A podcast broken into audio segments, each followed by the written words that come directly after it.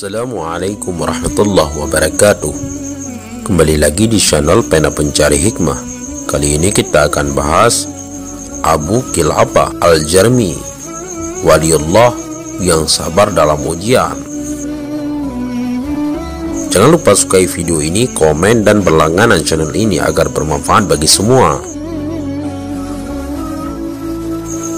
Beliau bernama Abdullah ibnu Zaid ibnu Ab Al-Jarmi salah seorang terkemuka ahli ibadah dan sangat zuhud di antara penduduk Basrah Irak. Beliau seorang yang sangat alim dalam masalah peradilan dan hukum-hukum syariat.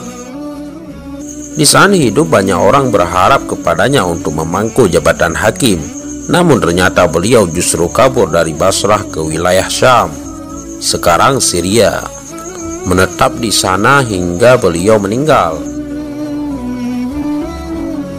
Beliau termasuk salah seorang perawi hadis yang sangat dipercaya wafat tahun 104 Hijriah pada masa pemerintahan Yazid ibnu Abdul Malik.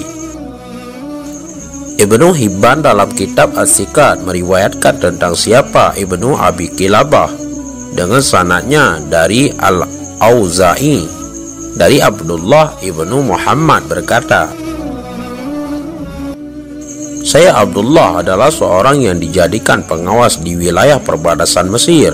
Suatu hari aku keluar rumah ke daerah pesisir pantai untuk memeriksa wilayah tersebut. Hingga ketika aku sampai di suatu tempat lapangan luas berbasir, aku mendapati sebuah kemah. Di dalamnya seorang laki-laki yang telah lumpuh, kedua kaki dan tangannya tidak lagi dapat digerakkan. Penglihatan telah buta dan pendengarannya sudah tidak lagi berfungsi dengan baik. Bahkan seluruh anggota badannya sudah tidak ada yang dapat ia pergunakan, kecuali hanya lidahnya saja yang ia pergunakan untuk berkata-kata. Dalam keadaan seperti itu, dari mulut orang tersebut aku mendengar kata-kata zikir. Ia mengucapkan,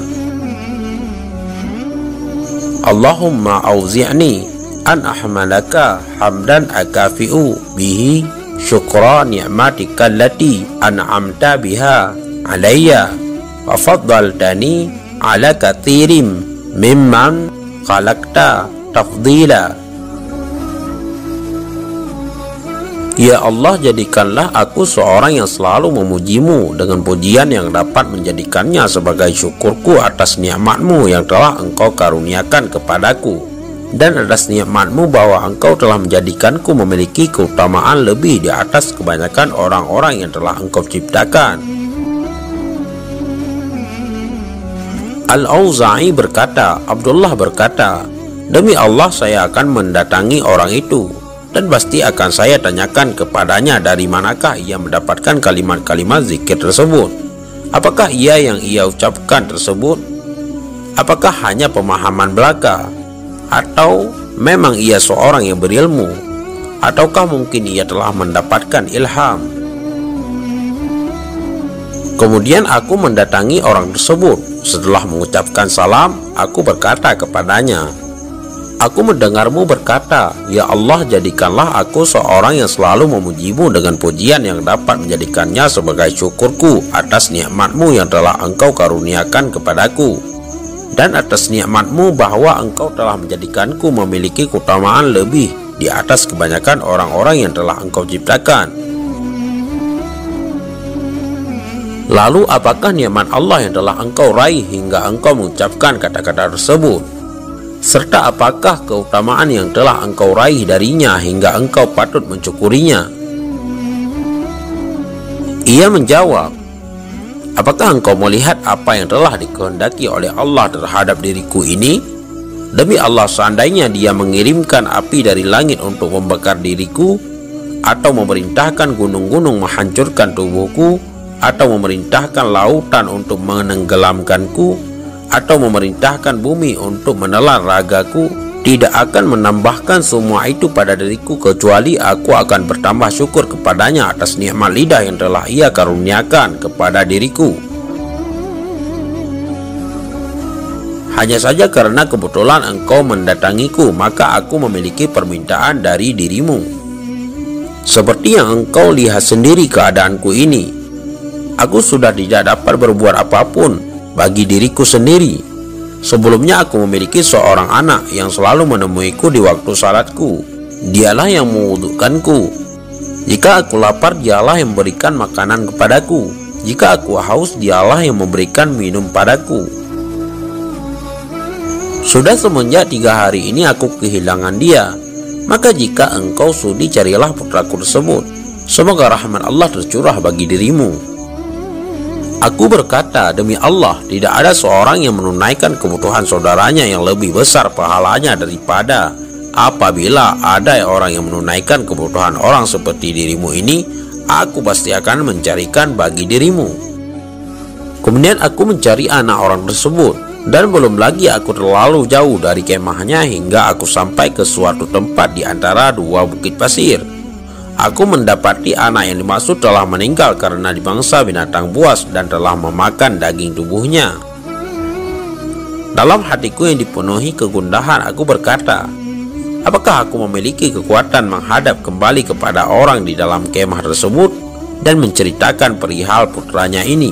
Ketika aku mulai melangkahkan kakiku menuju kemah tiba-tiba terlintas dalam hatiku tentang kisah Nabi Ayub yang serta-merta hal itu menguatkan langkahku. Setelah sampai ke kemah, aku mengucapkan salam kepada orang tersebut. Lalu ia menjawab salamku. Ia berkata, "Bukankah engkau temanku tadi?" Aku menjawab, "Benar." Ia berkata, "Apa yang telah engkau lakukan terhadap apa yang telah aku pintakan kepadamu?" Aku balik bertanya kepadanya, "Menurutmu manakah yang lebih mulia bagi Allah, apakah dirimu ataukah Nabi Ayub?" Tentu Nabi Ayub. Bukankah engkau telah mengetahui ujian apa yang telah ditimpakan oleh Allah kepada Nabi Ayub? Bukankah Nabi Ayub telah diuji olehnya dengan kebinasaan seluruh hartanya, serta dimatikan seluruh keluarga dan keturunannya? Benar. Bagaimana sikap Nabi Ayub terhadap Allah dalam menghadapi ujian tersebut? Beliau tetap dalam keadaan sabar, tetap bersyukur kepadanya dan terus memujinya. Bukankah engkau juga tahu bahwa ujian Allah terhadap Nabi Ayub tidak sampai di situ? Bahkan seluruh kerabat dan orang-orang yang mencintainya menjadi merasa asing terhadap dirinya hingga mereka menjauhinya. Ia berkata benar. Lalu bagaimana sikap Nabi Ayub terhadap Allah dalam menghadapi ujian tersebut? Beliau tetap dalam keadaan sabar, tetap bersyukur kepadanya dan terus memujinya. Bukankah engkau juga tahu bahwa ujian Allah terhadap Nabi Ayub tidak sampai di situ? Allah telah berkehendak untuk menjadikan setiap orang yang bertemu dengannya akan mencaci makinya dan menghinakannya. Benar. Lalu bagaimana sikap Nabi Ayub terhadap Allah dalam menghadapi ujian tersebut? Beliau tetap dalam keadaan sabar, tetap bersyukur kepadanya dan terus memujinya. Kemudian aku bertanya kepadanya, sesungguhnya putramu yang engkau perintahkan kepadaku untuk mencarinya telah wafat. Ia telah dimangsa binatang buas hingga tubuhnya telah dimakan oleh binatang buas tersebut. Semoga Allah memberikan pahala yang besar bagimu dan tetap menjadikanmu seorang yang terus bersabar. Ia berkata, segala puji bagi Allah yang telah memberikan keturunan kepadaku yang tidak melakukan maksiat kepadanya hingga ia tidak dibakar oleh nerakanya. Kalimat ini adalah kata-kata terakhir yang keluar dari mulutnya. Kemudian orang tersebut menarik nafasnya satu kali tarikan. Dan ternyata ia wafat saat itu juga. Aku berkata, Inna lillahi wa inna ilaihi raji'un. Kali ini aku benar-benar telah mendapatkan musibah besar. Sekarang apa yang hendak aku lakukan terhadap jasad orang ini? Jika ia aku tinggalkan, maka ia akan dibangsa binatang buas. Dan jika aku tetap berada di sini, maka aku tidak dapat melakukan sesuatu apa pun untuk mengurusnya. Saat itu, karena menjelang malam, maka kemudian aku menyalakan sebuah lilin yang kebetulan berada di dekat orang tersebut. Lalu aku duduk di samping kepalanya dalam keadaan menangis dan dalam kebingungan. Saat itu aku duduk dalam keadaan yang sangat memilukan itu. Secara tiba-tiba datang empat orang masuk ke dalam kemah. Mereka berkata, Wahai Abdullah, apa yang terjadi pada dirimu? Bagaimana keadaanmu? Bagaimana kisahnya bisa terjadi seperti ini? Kemudian aku ceritakan kepada mereka perihal diriku dan orang yang ada di hadapan diriku tersebut. Mereka berkata, Bukalah penutup wajahnya, mungkin kami mengenal orang ini.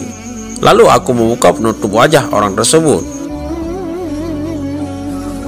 Tiba-tiba mereka merangkul jasad orang tersebut. Mereka menciumi kedua matanya dan menciumi kedua tangannya. Mereka melakukan itu berulang-ulang. Mereka berkata, Demi Allah, Inilah mata yang tidak pernah melihat perkara-perkara yang diharamkan oleh Allah. Dan inilah tubuh yang setiap malamnya terus melakukan sujud kepadanya, di mana seluruh manusia dalam keadaan tertidur pulas.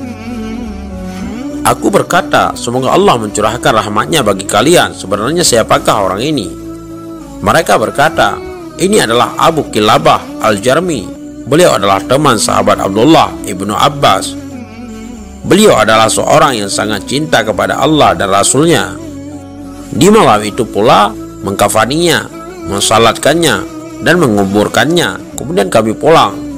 Empat orang tersebut pulang ke tempat mereka masing-masing.